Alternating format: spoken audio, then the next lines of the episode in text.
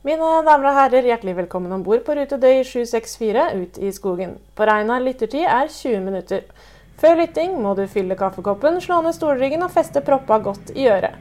På vegne av kaptein Gotlund og Lyden av skogbruk håper vi du har funnet deg godt rette, og ønsker deg en god tur.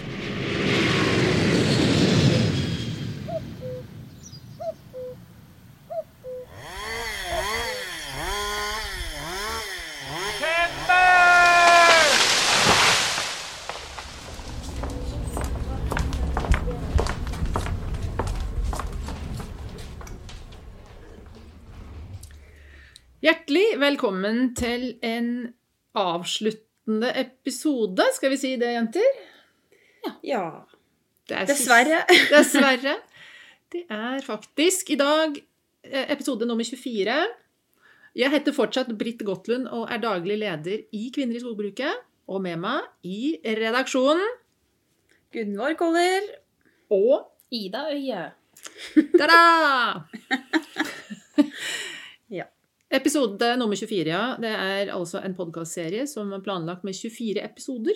Og vi avslutter med ei skikkelig bra dame. Mhm. Med Anne Guri Kløvstad. Som er ja, Hva var tittelen hennes? Skogkulturleder. Mm, Jeg tror det var det. Ja, I et skogsamvirke i Norge som heter Glommen Mjøsen. Skog. Skog til slutt, ja. Og SA Mhm. for samvirket. Og i intervjuet med Anne Guri så forklarer vi både hva et skogsamvirke er, og vi forklarer hvor Glommen Mjøsen befinner seg i geografien. Så det kan vi overlate. Mm. Men nå er det slik at det er vår, og det er korona. Og hva har det å si på arbeidskapasiteten, Ida? Eh, vanligvis så pleier jo skognæringa å hente inn eh, utenlandsk arbeidskraft for å få vårplanten ned i jorda. Det er det ikke sikkert de har muligheten til det år. Eh, og derfor så er de avhengig av å få hjelp fra villige sjeler i det ganske land. Mm. Med norsk pass. Ja. Kun- Tydeligvis. Og du, Gunvor, som er skogbestyrer, åssen Mm. løser de det på, på den eiendommen? Du, jeg er jo kjempeheldig, for jeg eh, har jo Vi har jo allerede avtaler med mange som gjør eh, arbeid i skogen her, og blant annet eh, tre veldig flinke folk som bor her i området. To pensjonister og en svensk skogsarbeider som har planta for oss i flere år. Og de er jo heldigvis fortsatt tilknytta oss her, da. Så for min del så går ting veldig bra. Alt etter planen. Mm. Men eh, Hvor mange planter skal de sette ut i vår?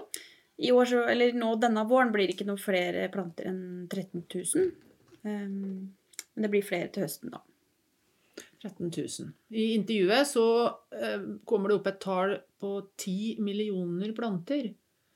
Og det er den, det plantetallet som Glommen Mjøsen har forplikta seg til å ta imot og få i bakken.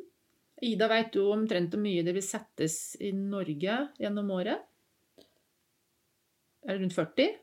Det sa ikke du at det nesten var en tredjedel av de, de plantene som ble satt i Norge? En fjerdedel. Så. Ja, en, Ja. ja, Mm. ja det er en, et eller annet. Ja, men det kan passe, det, da. Ja, jeg tror um, Landbruksdirektoratet, som vi har gjort en episode med, de um, legger jo ut statistikk. Og da mener jeg at det, tallet som, det siste tallet jeg så, det var vel planting i 2019.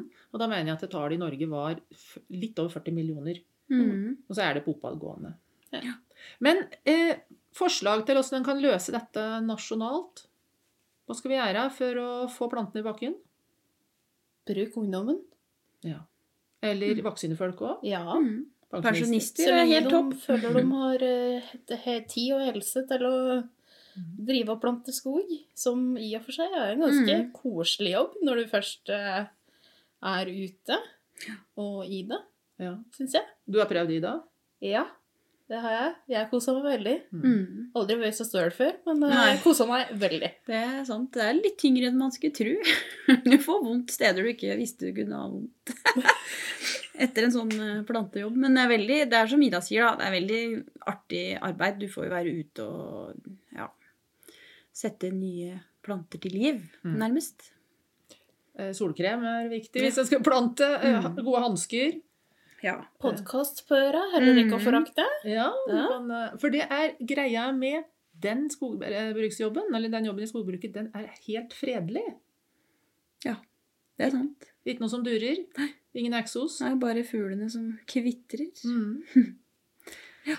Men åssen kan en lære seg, hvis en har lyst til å plante nå, da For det forteller jo òg Anne Guri i intervjuet, da, at de hadde fått en bunke med søknader på ungdom og vaksine som hadde lyst til å plante. Men det fins jo over det ganske land, så er jo det samme behovet for å få planter i bakken. Mm. Åssen kan vi lære oss å plante? Nei, altså skogkurs har jo kommet med nytt tilbud nå. Mm. Med nettbasert kurs fordi korona. Ja. Eh, om hvordan eh, plante. Der har de to forskjellige kurs.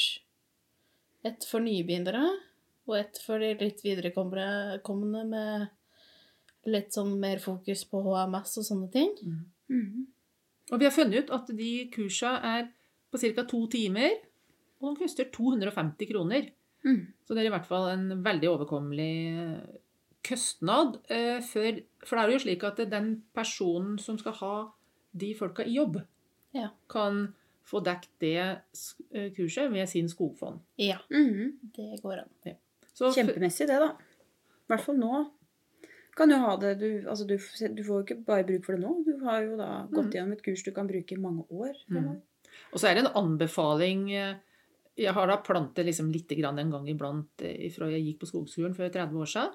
Og så kommer det jo hele tida noen ny kunnskap. Mm. Som, så de finner ut at hvis du planter på den måten, så vokser det bedre og trives bedre og blir mindre fare for musegnag og mm. insektgnag, som Anne Guri prater om i intervjuet. Så det å, um, å ta det kurset, sjøl om en liksom tror at en er uh, fiks ferdig utdanna planter, mm. det er ikke bortkasta. Nei, overhodet ikke. Men det er heller ingen garanti for at eh, alle bestandene dine står fullstendig urørt når eh, vinteren er over. Det er mange faktorer. Ja. Mm. Mm. Kom ikke du rett ifra skogen, uh, Gunvor? Jo, hit? med en tåre i øyekroken. Oh, fortell, fortell! Nei da, jeg gjorde en liten feltkontroll av et plantefelt vi hadde Vi satte i fjor på denne tida her. Og der har dessverre fleste, mesteparten av de plantene blitt spist opp, gnaget på, av en liten gnager. Mhm. Det kom jo også Anne Guri litt innpå. Mm. Så det var leit. Men eh, det tror jeg mange sliter med i år pga. all uh, musepopulasjonen ja, som har økt så voldsomt. Ja. Så det er ikke bra. Jeg oppfordrer alle til å dra ut i skauen sin og ta en liten sjekk Mm. på plantene sine. Hvor langt skal det være mellom plantene, da, Ida, for at det skal være greit? Har vi noen sånn tommelfingerregel på avstand mellom planter? To meter eh, Pluss minus? pluss minus. Ja, lite grann. Kommer litt sånn på åssen du vil ha det, si. Ja. Plantestedet, Ja, da. Det er jo litt viktig. Plantested, altså s- inntil stubber og Mhm. det, det er fine planteplasser, Mm. da. Mm. Så du må liksom se an litt hva som funker. Men også en plantekontroll, da, som Gunvor anbefaler på det sterkeste, og Anne Guri òg, det er jo det her med å gå ut og leite etter de levende plantene. Mm. Telle de levende plantene. Og så er det en, bør det plantetallet da ligge på kanskje litt etter den berømte boniteten. Mm. mellom skal vi si, 180 og 220. Ja. Er vi fornøyd da? Ja. Kan ligge litt lågere hvis det er høyereliggende skog med skrinn mark. Og, og det kan kanskje ideelt ligge litt høyere enn 220 hvis det er veldig frodig. Mm. Mm, men sånn to meter imellom. Eh, og da hva, gjerne, hva skal vi gjøre hvis vi finner bare planter med fire meters mellomrom, da? Må du supplere, da? Mm. Må sette litt flere planter. Ja. Så du har noe å gå på? Mm. For det blir jo frafall uansett åssen du Noe frafall vil det jo alltid være. Ja, noe dør. Eh, Men eh, det å også sikre seg at du fortsatt har nok til å ha en framtidsskog, er jo viktig. Da tror jeg faktisk vi setter over til intervjuet med Anne Guri. Hun er en eh, klar og tydelig et klart og tydelig intervjuobjekt. Helt klart. Så jeg tror at eh, veldig mye forklarer seg sjøl når en prater med Anne Guri. God lytt! Ja, da er det altså en ny episode i Lyden av skogbruk. Og i dag har jeg ringt en eh, fagkollega som jeg har hatt lyst til å prate med lenge. Og hvem har jeg kommet til nå i dag? I dag så har du kommet til Anne Guri Kløvstad. Og jeg jobber som skogkulturansvarlig i Glommen Mjøsen skog. Ja vel. Hvor bor du hen, Anne Guri? Jeg bor på en gard på Brøttum i Ringsaker. Og her bor vi ja, 340 meter over Mjøsa. Vi har utsikt sørover Ringsaker, mot Skreia og mot Biri. Så du har nydelig utsikt fra hjemmekontoret? Ja. Ja, men Det er supert. Det er jo en del folk vil jeg tro, som har litt eh, trasige heimekontordager. Med, kanskje ser inn i I hvert fall ikke inn i Mjøsa, holdt jeg på å si, eller over Mjøsa. Men du Anne Guri, hva slags jobb er det du har i skogbruket? I Glommen Mjøsenskog så jobber jeg som skogkulturansvarlig og som skogkulturleder. Så jeg koordinerer skogkulturaktivitet i hele geografien vår. Og så har jeg òg ansvaret for gjennomføring lokalt i området rundt der jeg bor. Så jeg både har kontakt med skogeiere og entreprenører og ordner med planting og markbredning og ungskogpleie og stammekvisting og ja. Ja. Og der nevnte du de tinga som da ligger i det begrepet skogkultur. Mm. Har du alltid hatt denne jobben? Eh, nei, de første åra så jobber jeg òg i Norske 4H. Men eh, når vi flyttet opp over til Ringsaker, så begynte jeg å jobbe i Glommen Mjøsen skog. Ja, og da sa du flytta opp igjen. Hvor flyttet du ifra? Er det der du utdanna deg, eller? Ja, jeg gikk på Ås uh, skogfag på Ås. Og så bodde jeg en periode i Buskerud. Gamle, eller gamle Buskerud da, i Viken. Mm. Og så flyttet vi hjem igjen, for jeg tok over gården som vi bor på. Vil du si, eh, Fikk du jobben og så flytte, eller flytta du og så fikk du jobben? Jeg sa opp den jobben jeg hadde, og så flyttet jeg. Og så tok jeg kontakt med Glommen Mjøsenskog, og så fikk jeg jobb etter hvert. Så hadde jeg flere små unger, så jeg begynte i en liten stilling, og så har jeg gradvis økt, da. Eh, men nå har jeg hatt eh, full stilling i mange år. Ja, Så da vil jeg si at du er ganske etablert i den jobben din? Ja, ja. jeg har vært i Glomme Mjøsenskog nå siden 2007. Da Så jeg har eh, veldig mange år her. da er du erfaren. Ja. ja. Eh, du har da også hatt en jobb i 4H, og så er du nå skogkulturansvarlig. Og så Kan du si litt mer om den utdannelsen som du tok på Ås? Ja, jeg begynte jo på Ås fordi jeg hadde hørt at det var eh, bra studiemiljø der. Og så hadde jeg lyst til å studere noe som gikk på det å være ute, for jeg har alltid vært glad i å være ute. Og være ute på tur og gå i skogen. Så det var bakgrunnen for valget mitt. Og så, ja. Så ja, jeg trivdes veldig godt på Ås. Jeg fikk eh, mye gode venner som jeg har mye kontakt med den dag i dag. Eh, og så lærte vi jo, det var stor variasjon i tema og emner som vi var innom. Så jeg gikk første året i Kongsberg, og da hadde vi mye praktisk eh, skogbruk. Var på, Søn- på Saggrenda og fikk opplæring i både bruk av motorsag og ryddesag og planting. Og så gikk jeg på Ås i halvannet år, og så dro jeg til Canada på utveksling. Og så var jeg tilbake på Ås, da. Ja. Har du master? Ja, jeg har hovedfag i skogbruk. Ja. Ja, master. Mm. Mm. Så du valgte Ås fordi du hadde fått uh, kunnskap om at det hadde bra studiemiljø? Ja, og så stor variasjon i fag, og at du lett kunne sette sammen ulike fag og være med å påvirke din hverdag, da, på en måte, og din fagplan. Mm, Så det var bakgrunn for det. Mm. spennende. Du, arbeidsgiveren din sa du Glommen Mjøsen. Hva Ja. slags arbeidsgiver er det? Nei, Glomme Mjøsen skog det er jo eid av skogeiere fra Lesja og Røros i nord til Kornsjø og Eidsvoll i sør. Til sammen er det ca. 7100 skogeiere. Så vi jobber for dem. Eh, Vi har en stor skogavdeling med skogbruksledere og skogkulturledere som er plassert utover hele geografien. Da. Eh, Sånn at de er nærme skogeier. Vi har òg en avdeling som jobber med kvalitet og miljø. Vi har en tømmeravdeling som kjøper sel og kjøpetømmer. markedsavdeling. Og så har vi en stor avdeling som jobber med takst og lager skogbruksplaner for hele landet. Vi har bl.a. en digital skogbruksplan som heter Alma. Eh, vi driver også med rådgivning. Vi har noen som driver med frivillig vern.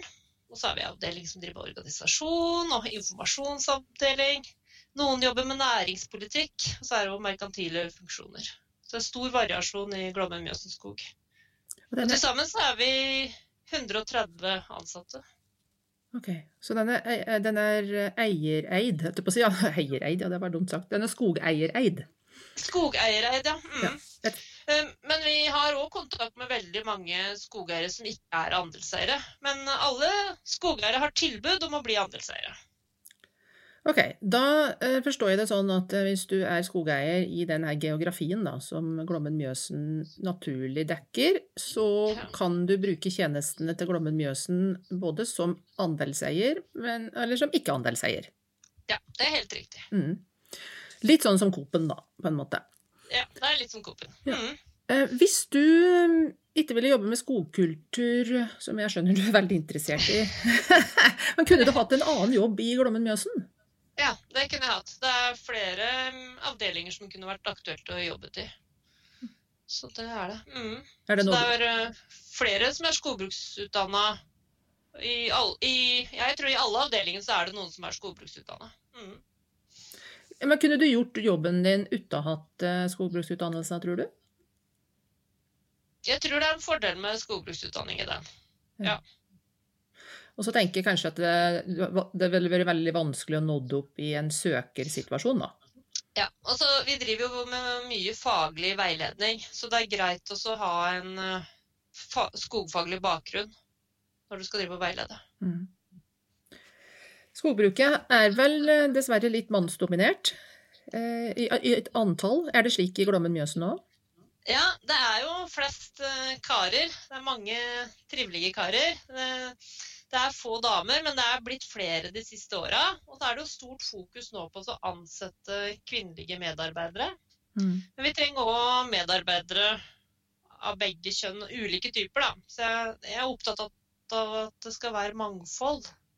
For at de skogeierne vi bruker også, eller, De skogeierne vi møter, Mm. det er stort mangfold blant dem òg. Det er både damer og karer og ulike typer karer og damer. Mm. Så Derfor er det viktig at vi òg Det er et stort mangfold blant oss, da. Ja, for vi liker jo ofte å gjøre business med folk som vi kjenner oss bekvemme med, og som kanskje prater litt samme språk med, og kan ha litt Mm. felles interesser med, og gjør ting litt enklere. Mm. Mm. Så ser vi at uh, skogeiere er jo opptatt, de er opptatt av ulike ting og ulike mål. Uh, nei, så det er viktig at vi òg Det er et stort mangfold blant oss som kan møte dem.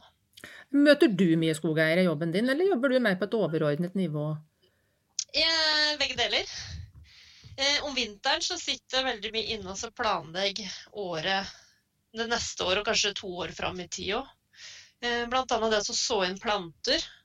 Jeg sitter og planlegger hvor mange millioner planter trenger vi til ulike høgdelag i ulike geografier.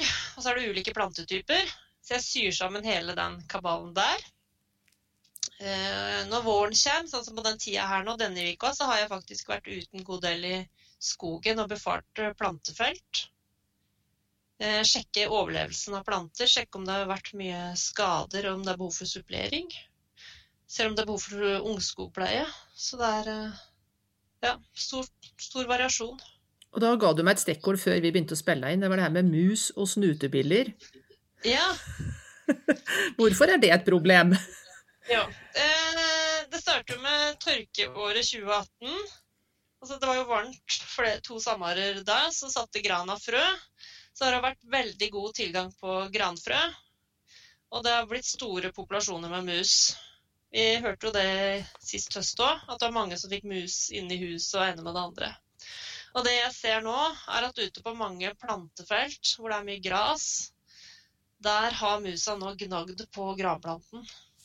Ja. Og det kan være fine granforyngelser som står tett og fint, og grana er en meter høy. Og på avstand så ser det så fint ut, og så kommer du innpå, og så kikker du liksom ja, Det kan være både midt på stammen og nederst òg. Så er det gnagd helt reint. Så de grantrea der kommer jo til å bli brune nå i løpet av våren. Så det syns jeg er trist. Så, men det, derfor er det viktig nå ut og befare og få oversikt. Og så eventuelt melde skade til skogbrann, da. Og så få etter hvert plante opp igjen. Og Skogbrann, for den som ikke kjenner til det, det er skogbrukets eget forsikringsselskap. Skal vi si det så enkelt? Ja, det er det. Eh, og det, er, eh, det lønner seg absolutt å ha skogforsikring. Eh, og den kan nå dekkes med skogfond. Hmm. Så den faktiske kostnaden på den skogforsikringa, den er veldig lav. Mm. Den er jo billig i utgangspunktet òg. Ja, ja, den er veldig billig. Men snutebiller, da? Eh, Snutebiler ser vi òg at det har vært noe av. det så jeg har òg sett det denne uka, så vi har noen felt vi må supplere opp igjen. Men, det- ja, så- men denne uka har det faktisk vært mer museskader enn snutebilleskader. Men vi markbereder mye da, for å prøve å unngå å redusere faren på, for snutebilleskader. Og det ser ut til å fungere. Hva er det med den markberedninga som gjør at det hjelper, Anne Guri? Ja. Eh, Når vi markbereder, så får vi omvendt torv, og så får vi jord på toppen. da. Og den snutebilla den liker jo ikke gå ut i jorda, for da blir den jo synlig for fuglen. Så om den går ut i jorda og gnager på den planta som vi har plantet, så er den der mye stuttere tid før den krabber tilbake til å gjemme seg. Så det er det som gjør at eh, det blir mindre gnag, samtidig som at planta får jo mye næring når den står på markbredt eh, mark. Mm. Eh, Sånn at den vokser mye bedre, har mye mer vekstkraft og kan stå imot og tåle mer gnag òg. Kvinner i skogbruket er Norges eneste faglig sosiale nettverk for deg som er kvinne og som har ditt hjerte i skogbruket. Kanskje eier du skog, eller skal bli skogeier, du jobber i eller studerer skogbruk. Kanskje du er generelt interessert og nysgjerrig og vil lære mer om en bærekraftig bransje med mange muligheter. Vi har ulike aktiviteter og arrangementer, og du kan bli bedre kjent med oss via Facebook, Instagram eller hjemmesiden vår. For å bli medlem, gå inn på kvinneriskogbruket.no. Det er jo slik at eh, hvis en leser litt eh, litteratur rundt omkring, så eh, dukker det opp artikler om markberedning, og at det er med på å både gi karbonlekkasje, og at det er veldig stygt, og at det ikke er bra. Mm. Eh, møter du, eller liksom leser du sånne artikler og svarer på de, og liksom tenker hvordan kan jeg møte den argumentasjonen med fakta og god opplysning? Ja, eh, altså det jeg tenker, det er at vi skal Det er ikke alle plasser vi skal markberede. Men vi skal markberede enkelte plasser. Og når vi markbereder, så blir det mye bedre vekst og mye mer over, bedre overlevelse på trærne. Eh, Og vi får etablert ny, fin skog som binder mye CO2. Mm. Eh, På noen områder hadde vi ikke markbredd, så hadde vi ikke fått opp igjen skog, og det blir bare buskas. Mm. Og da går vi glipp av den CO2-bindinga. Er det områder med mye kulturbinder, eh, så skal vi ikke markberede. Er det områder med eh, friluftsområder, så skal vi også kanskje være litt mer skånsom markbredning. Og kanskje velge gravemaskin og invers markbredning. For vi har òg ulike typer markbredning. Mm. Så, bare, så, så vi skal riktig, vel, velge riktig type markbredning, da. Og det skal vi basere på forskning og, og fakta og Mm. Og, og rapporter nå viser jo at vi, skal, vi kan øke markberedninga i Innlandet. Vi var, hadde samling i skogbruket i Innlandet her, og da la jo statsforvalteren fram en oversikt som viste det. At markberedninga, den kan vi øke. Så bra. Mm. På de riktige stedene. Ja, på de riktige stedene. Mm. Og der er det jo òg den her PFC skogstandarden som er ganske tydelig på når en ikke, eller hvor en ikke skal markberede. Ja, Så den følger vi. Ja. Mm. Så tenker jeg en annen ting at Vi må huske på at før så var det mye sterke insektmidler på planten som gjorde at eh, overlevelsen for planten var mye større da, med hensyn til det mm. Men med snillere midler um, så er det viktig da også kanskje markberede, så vi får overlevelse. Mm. Og nå merker jeg Anne Guri, at nå har vi begynt å prate skogfag. Ja, som vi er interessert i begge to. Vi pratet jo litt før Ja. vi trykka på record her, at eh, når, jeg, når jeg var nyutdanna sjøl som skogbruker, så syns ikke jeg skogkultur var så innmari spennende. Men etter hvert så er jo det syns jeg viktigst av alt å drive med. Mm. Ja. Eh, nå skal jeg prøve å dra oss innad igjen i, eh, i, i spørsmållista her, så vi kommer oss gjennom så lytterne våre lærer litt eh, om jobben din. Da skal vi hoppe tilbake til lønnsnivå. Det var, Ja. Vi lurer litt på åssen er lønnsnivået i ja, skogbruket generelt, og kanskje i din jobb. I jobben min så er det helt greit lønnsnivå, og det er bra sammenligna med tilsvarende jobber. Og så tenker jeg òg det derre hva er god lønn og hva er ikke god lønn. Men jeg, jeg er fornøyd med lønna mi, og så er det stor frihet, da. Som jeg har sett veldig pris på i den jobben jeg har. Mm. Eh, Inne og ute, og jeg kan eh, Jeg styrer arbeidsdagen min sjøl. Er arbeidsgiveren eh, flink i forhold til forsikringsordninger og pensjonssparing òg? Ja, veldig gode ordninger, både når det gjelder tilbud om bil Mm. i jobben, forsikringsordninger og pensjonssparing. Og helse, ja, helseforsikring. Mm. Og det er kjempeviktig til de som ikke er vant til å si, kanskje skal ha sin første jobb, at det er en stor del av, eh, av lønna, alle de ordningene der, som kan virke litt sånn kjedelige på en måte, men som er kjempeviktig. Eh, Og i forbindelse med fusjonen Glommen-Mjøsen-skog, så fikk jo vi god hjelp, bl.a. av naturviterne, til å se på den type avtaler og ordninger, da. Og Naturviterne, det er en fagforening. Ja, det er en fagforening som jeg er med til. eh, Der, eh, der erfarer jeg at vi som er med i Glommen-Mjøsenskog har fått mye god hjelp, og det er mye gode tilbud om kurs. Mm. Tenk på det òg, nyansatte, eller de som ikke er fagorganisert, at det, med å, det er en ekstra støtte. Eh, For det kan faktisk skje, vi skal ikke være mer naive enn at det, er ikke alltid at arbeidslivet er rosenrødt, og innimellom så blir det konflikter mellom arbeidsgiver og arbeidstaker. Eh, Mm. Og så tenker jeg bare på om du uh, er usikker på om er det en bra avtale eller er det ikke en bra avtale, så Mm. kan du snakke med dem, da. Ja, en, en tredjepart. Ja, Så det er på en måte Det er ålreit. Veldig bra. Hva liker du aller best med jobben din, da? Det jeg liker aller best, det er den store variasjonen og, som jeg har i jobben min. Både det at jeg jobber sammen med trivelige kollegaer og er inne, og at jeg er ute og møter skogeiere og veileder. Eh, Jeg jobber med fag, jeg jobber opp mot entreprenører. Eh, Det er veldig stor variasjon. Ingen dag er lik. Mm. Og så er vi på en måte et, eh, vi er et lag da, som jobber sammen. Det føler jeg også veldig på. At vi i Glommen Mjøsenskog og jeg jobber på Hedmarken, så jeg er på, mye på kontor på Hamar. Og vi som sitter her, er på en måte et, eh, og et lag i bedriften, da. Mm. Som spiller på hverandre. Hvem har du med deg på det kontoret, Anne Guri? Eh, På Hamar da, så sitter både en produksjonsleder, og vi har med oss ja, mange skogbruksledere som sitter her. Mm. Og så er det noen fra takstavdelinga Mm. som sitter der. Så det er et godt mangfold. Ja, så har vi noen som driver med frivillig vern. Da er vi også der. Ja. Så det er, eh, det er mye interessante fagprater rundt lunsjen Mm. og i gangen. Du sa kontor på Hamar. Nå kan Vi jo, vi prater jo innledningsvis om eh, det er geografien som Glommen Mjøsen dekker. Det er ikke sikkert alle like god i geografi, men hvis vi tar de ulike lokalkontorene som Glommen Mjøsen har, husker du de? Uh, ja, skal vi si det. Vi har, vi har delt inn Glommen Mjøsen skog i fem regioner.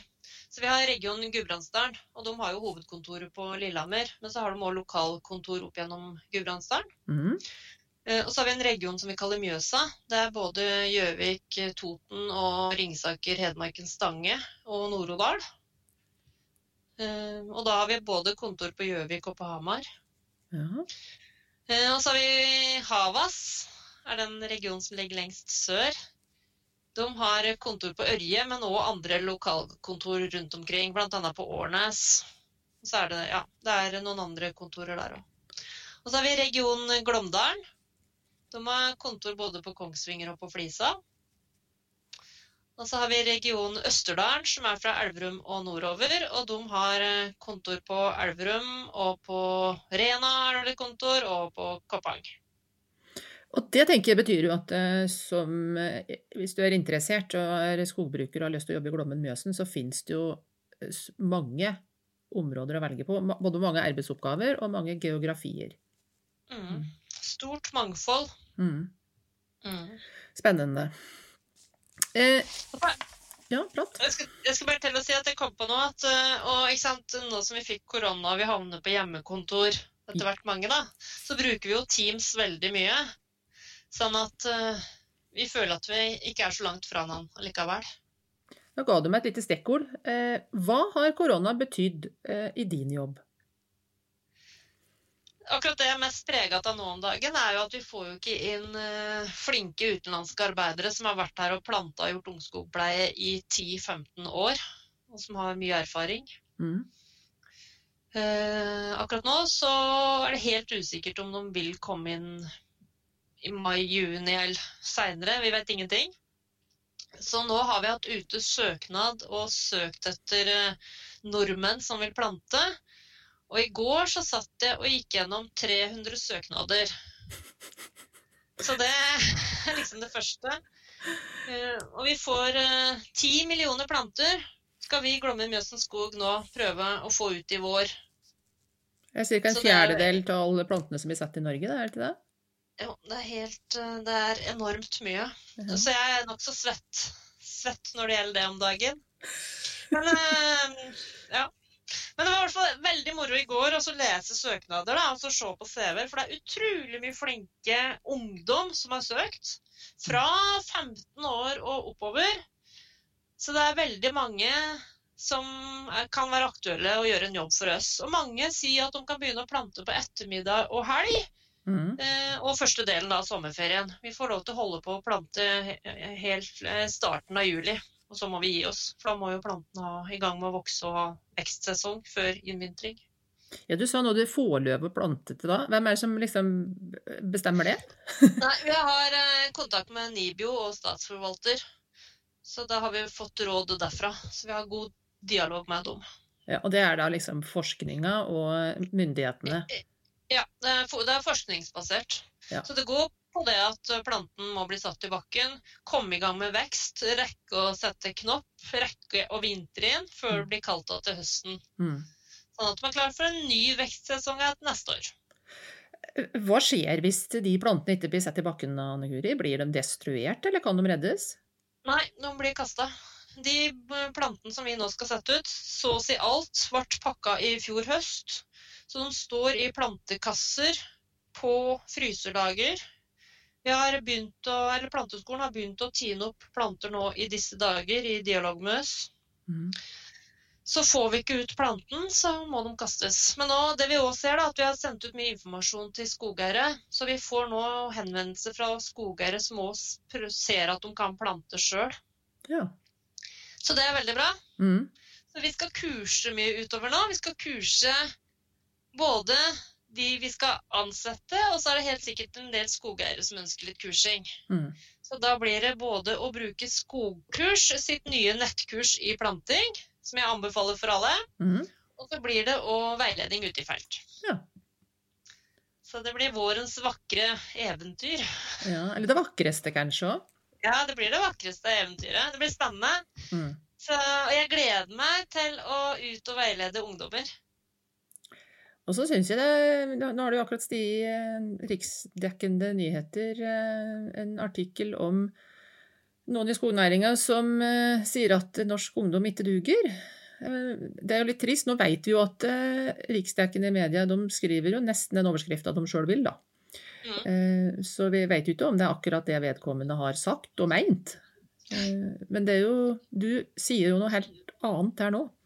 Ja, du, Det er så mange flinke som har søkt. og det er, Jeg har ungdom som plukker jordbær i fire-fem uker i fjor sommer. Jeg er helt sikker på at de òg kan plante skog. Mm. Jeg har ungdom som har drevet med ved. Har, det er mange skiløpere som har søkt. Mm. Eller de er glad i å drive ute og arbeide. Ja. Eh, mange har, går på naturbruk eller på landbruksskole. Mange skal ha søkt seg dit nå til høsten. Mm. Nei, så jeg, ja, jeg er helt sikker på at det finnes mange. Ja, fordi, Og noen pensjonister som har søkt. Eh, som har fått litt rolige dager og ser at de kan gjøre en jobb. Mm. For det er jo ikke jeg må si, Planting er jo for så vidt en ganske enkel operasjon, men du må være nøye og du må ha samvittighet når du gjør det. Men det er jo ikke sånn sett komplisert. Eh, Så jeg tenker det som blir viktig med de som er de yngste, da, som vi skal ansette, altså prøve å finne felt som er nokså lokalt, sånn at de slipper å bruke for mye energi på å ta seg dit. Mm. Og så ser jeg at det er veldig mange foreldre som er interessert i å være med å bidra med å transportere planter og transportere ungdommen sjøl. Mm. Så det er veldig bra. Jeg tror dette her kommer til å gå kjempebra, jeg. Den der um, opp, nasjonale dugnaden for å få planter i bakken. Er hvert fall En annen ting som jeg håper som kan komme ut av det, er at det er flere ungdom som på en måte oppdager skogen Mm. og ser at det kan være en ålreit eh, arbeidsplass. Jeg har blitt kontaktet av en elev jeg, som går på VG2, et sted i Norge, som ønsker å bli, ta fagbrev, men som ikke ønsker å kjøre høgstmaskin. Mm. Det er jo da en situasjon at det i Norge i dag ikke går an å få et fagbrev som manuell skogsarbeider. Det er kanskje noe vi kan jobbe med sammen. Det, jeg vet det er flere av oss som eh, tenker på det. eh, Skogbrukslærere rundt på landbruksskoler. Mm. Mm. Og så skal jo Kvinner i skogbruket og Glommen Mjøsen jobbe sammen. Vi skal jo faktisk jobbe sammen om noe, Anne Guri. Det her forskningsprosjektet. Ja, det blir spennende. Ja. Vi, kan du si veldig kort, eh, for du har jo, der har jo du vært på riksdekkende medier, da? Ja, det handler Ja, de, skal vel se på hvor det blir av eh, skogstudentene. Mm. Eh, både kvinner og andre, men det de tror nå er at det er flere kvinner som starter jobb i skogbruket, men som forsvinner over i andre yrker. Mm. Så det blir spennende å se og få en oversikt. Ja, også at vi kan få det på en ordentlig forskningsbasert eh, metode. Sitter bare sånn synsing. Mm. For det eh, fører sjelden til noe så veldig mye Skal jeg si ja. ja. Det, er best å få det dokumentert på en ordentlig Ja, måte. ja. Så det er vel både skogkurs og østlandsforskning og Høgskolen i Innlandet som skal være med på det. Mm, og Glommen Mjøsen og Kvinner i skogbruket og Velg skog og. NMBU. Veldig bredt. Det gleder vi oss til. Det blir spennende. Yes. Du, eh, det hender jo innimellom at skogbrukere kan få litt eh, pepper for at de eh, har en jobb der de raserer eh, eventyrskogen. Ja. Opplever du noen gang at du må forsvare liksom, det du driver med? Nei, jeg, det er veldig sjelden. Jeg, som regel så møter jeg mer skogeiere som har dårlig samvittighet. Eh, De har tenkt mye på at de skulle ha ført opp skogen sin etter høgging. Eh, De fleste har som regel planta, men de har ikke vært ute og kontrollert plantefeltet. De vet kanskje at det må suppleres, men har ikke kommet så langt. Eller at de trenger løvrydding, ungskogpleie.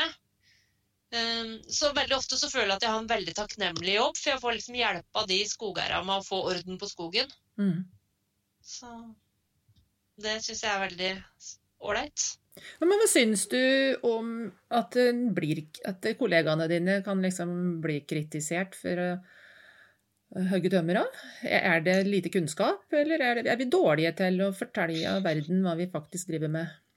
Jeg tror begge, altså det er begge deler. Det er lite kunnskap ute blant mange av de som kritiserer. Eh, Og så er ikke vi så flinke til å fortelle hva vi gjør når, når det planlegges hogst, og hvilke hensyn vi tar. Mm. For er, vi tar veldig mye hensyn. Og det planlegges. Vi sjekker jo kart i forhold til kulturminner, rødlistearter og andre hensyn, da. Eh, og vi tenker i forhold til å prøve å unngå skader, kjøreskader. Mm. Med hensyn til når på året vi planlegger høgst. Mm. Men så er det jo sånn at eh, det er ikke alltid like lett å være skogbruksleder.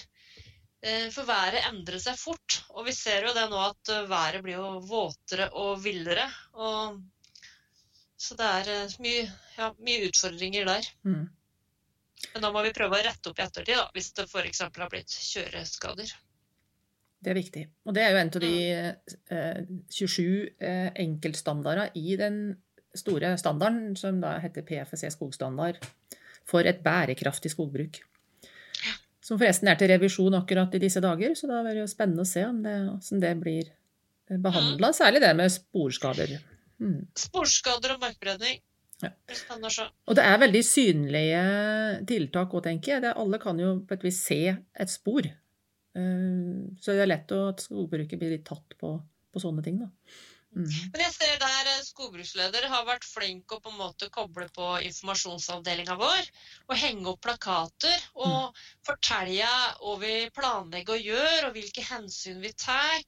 Eh, og hva som skal skje nå, og hva som skal skje etter hogst.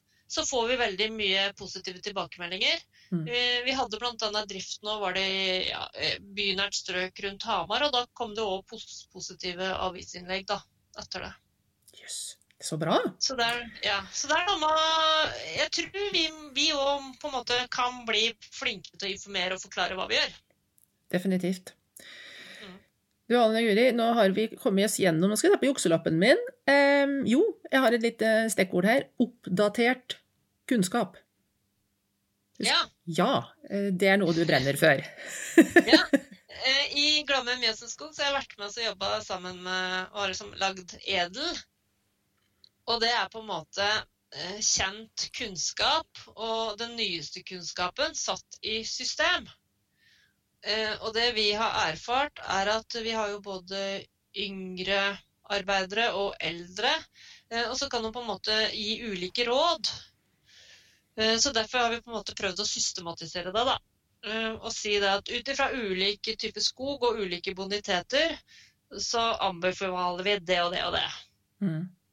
Eh, Og det skal være basert på den siste og siste kjente kunnskap. Og hvis det kommer ny kunnskap, så skal vi ta inn det. Og det ene er jo det at etter høgging så skal vi anbefaler vi å markberede og plante snarest mulig. Eh, Og når vi planter da, f.eks. på en god bonitet, så skal vi ha 250 planter per dekar hvis det ikke er markberedt, og 230 hvis det er markberedt. Mm. Så på en måte da skal ikke hver og en komme inn og synse. Men eh, det er jo det kunnskapsbasert, da. At det er det som gir den beste skogen fram i tid. Og at erfaring som er lokal, den kan være veldig bra, men den er Mhm. som regel knytta til et eh, lite område. Ja. Så det er, eh, det er lokalt. Ja. Så man skal ta med seg det. Men eh, det er ikke alltid at alle erfaringer som er gjort lokalt, egner seg og gjelder for andre områder. Vi har jo forskjellige sosiale medier der folk diskuterer friskt. Eh, Det er en diskusjon på gang eh, akkurat nå som vi spiller inn i dag, om planting kontra naturlig foryngelse. Ja. Mm, hva tenker du om det? Jeg tenker at hvis en velger å satse på naturlig foryngelse, så går en glipp av den eh, gevinsten som foredla plantematerialet gir. Da. Mm. Og det er både Altså, en- unngår innavl, eh, og så er det mye bedre vekst. Mm. Eh, så jeg, og han får raskere opp ny skog, da. Men kan, eh, er det tilfelle at snutebiller f.eks. liker kjøpte planter bedre enn de naturlige? Nei, vet du det, jeg ser snutebiller jeg, som et både på granplanter og furuplanter, og det er både kjøpte og naturlige, og den et også på annen vegetasjon. Så det er Nei, det er tilfeldig. Takk. Det var eh, nesten ny kunnskap for meg, for jeg har liksom alltid har levd i den trua at eh, de naturlige klarer seg mye bedre i forhold til insektskader. Nei, jeg syns det er helt tilfeldig. Mm. Da legger vi på et vis den diskusjonen død. Vi går for planting, Anne Guri. Ja, vi går for planting, og så er vi Ja. sikre på at vi får opp igjen ny skog før det kommer mye annen vegetasjon. Mm. Og så god tetthet, jevnt fordelt. Gode planteplasser, viktig. Vi kan jo ha kjempemye frø, men vi vet jo ikke om det frø daler ned på den beste planteplassen. Nei. Og hvis du da satser på naturlig foryngelse, da, så planlegg i hvert fall plantefellkontroll både det første og det andre og det tredje året, og følg med det. Mm. Viktig.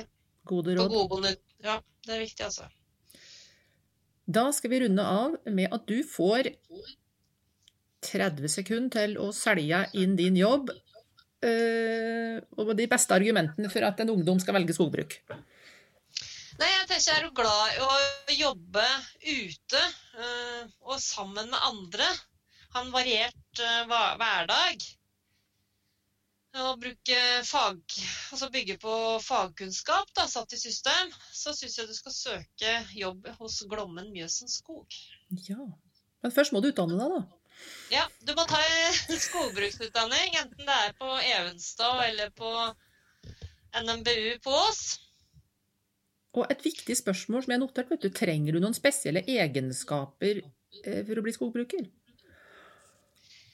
Jeg tenker, ja, Det er jo det å være glad i å være ute, men altså, det er fint å være strukturert. Men du må kunne gjøre kjappe endringer og være fleksibel.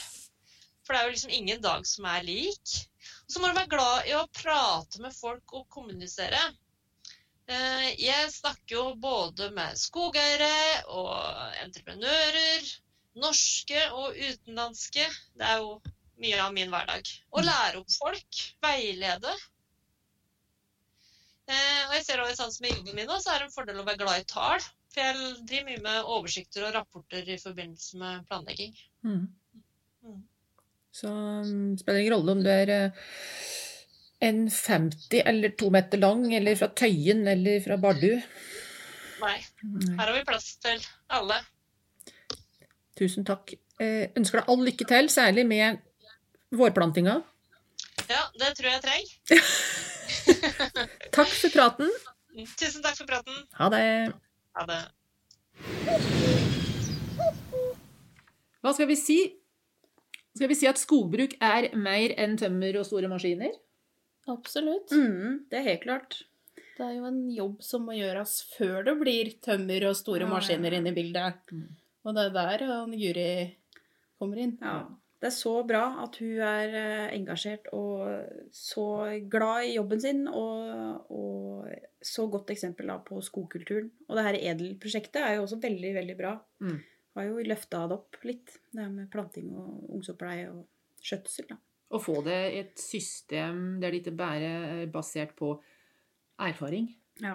Mm. men forskning og fersk kunnskap. Mm. Og som Anne Guri sier, at det, den rådgivninga som var tid for fem år siden, det var ikke noe feil med den. Det er bare at nå vet vi kanskje noe som er enda bedre. Mm. Tror de det har forandra seg bare den korte tida siden de var studenter? Ja, det kan jo godt hende. ja. Hva tror du, Ida? Ja, altså, det er ikke så lenge siden. Det er eh, vel knapt et år siden jeg var student sist. så jeg håper at det ikke går så fort, for da er jeg snart, står jeg snart med et ben i grava, føler jeg. Men eh, Ja. ja. Det, det som har forandra seg siden jeg begynte å jobbe i skogen, er vel det med at de har eh, Som også Anne Guri snakka om, det med at de har insektisider på plantene. Det har de jo stoppa med Mm. siden da. Så det, blir, det er litt annerledes. Så det, det er jo tydelig at det går litt framover, da. Og bestefaren min, da, han uh, brukte DDT, han. Ja vel. Kjenner de til det? Nei, det hørtes jo ikke helt bra ut, da. Nei, jeg, jeg vokste opp på et vis da, som ja, DDT det var jo noe av det absolutt verste du kunne bli utsatt for. Men det var jo veldig effektivt i forhold til ugras, da. Mm, Ja. mm. Ja, så det, og det var jo mange som ble veldig sjuke av. Så det er klart det er jo litt sånn prisen en betaler nå, da, med at det er svakere midler på plantene. Det er bedre for den som planter, men Ja, ja, ja. kanskje som vi pratet om i forrige episode, da, i forhold til, eller vi har pratet om tidligere, med insekter og musegnag og sånn. Ja, ikke sant. Mm. Ja, vi er faktisk kommet til den siste episoden. Mm. Mm. Men det er ikke slutt her. Er det det? Nei. ikke kvitt oss så lett. Nei, redaksjonen er eh, heller denne kohorten her. Selv om koronaen er over, så får vi kalle oss en podkast-kohort. Mm. Vi har kommet til episode 24. Vi sitter helt ute av tellinga. Og i sesong 1, får vi si da, så er det planlagt 24 episoder. Prosjektet skal være ferdig. Takk til Landbruksdirektoratet for eh, sentrale rentemidler. Ja. Og vi skal eh, rapportere til Landbruksdirektoratet senest den 1. juni Mm. i 2021. Så det er eh, den siste episoden i denne sesongen her. Mm. Men vi har da pratet med mange forskjellige òg. Ja. Ja, de ble jo kobla på litt da Vibeke ikke fikk lov å være med i kohorten. Koronafast i byen. Vibeke som var med på de første episodene, ble koronafast i Oslo. Mm. Så da ble vi en eh, mer lokal, eh, desentralisert kort. kohort. Men eh, som jeg husker, da, så er det jo vært Petra Martine som vi begynte med. Sommerjobb med Ja. Røddesand. Så Mm. Stemmer. ja, det var i juli i fjor. Og så har jeg vært i- Hallingdalen og pratet med Anne. Vi har pratet med biolog. Hvem andre er vi har pratet med? Du har jo vært innom damer i nesten alle kriker og kroker i det norske skogbruk. Ja. Du har vært veldig flink til å finne Tømmerbilsjåfør Ja, ja. og dæven, så kult. mm. Og jeg gjorde en liten oppsummering her, begynte å telle litt, for i det norske skogbruket, innom de de som er ansatt, da, så er det ca. bare 15% som er damer i snitt. 15-20, litt ettersom. Og de, eh, gjestene våre òg Mm. representerer 15% 85% men helt motsatt. Mm. -hmm. Så vi har snudd om på det. Ja. 85% damer, 15% menn. Yes. Og det har vært målet vårt, å gi stemme til flinke kvinner i skogbruket som ellers kanskje ikke er så synlige. Nei. Så det er viktig. Skal vi si takk for sesong én, da? ja. Det har vært eh, kjempespennende. Gleder meg til runde to. Ja. Ja, vi får håpe vi får lov til å komme tilbake i runde to, da. ja, ja, ja, selvfølgelig. Og nå skal vi faktisk, eh, når vi er ferdige her nå, så skal vi ut, og så skal vi ta noen kledelige bilder med en grønn og vakker eh, maskin i bakgrunnen. Det får vi- gjøre, vet du. Skal vi gjøre det? Ja. Ha det til deg som lytter, da. Ha det. Ha det.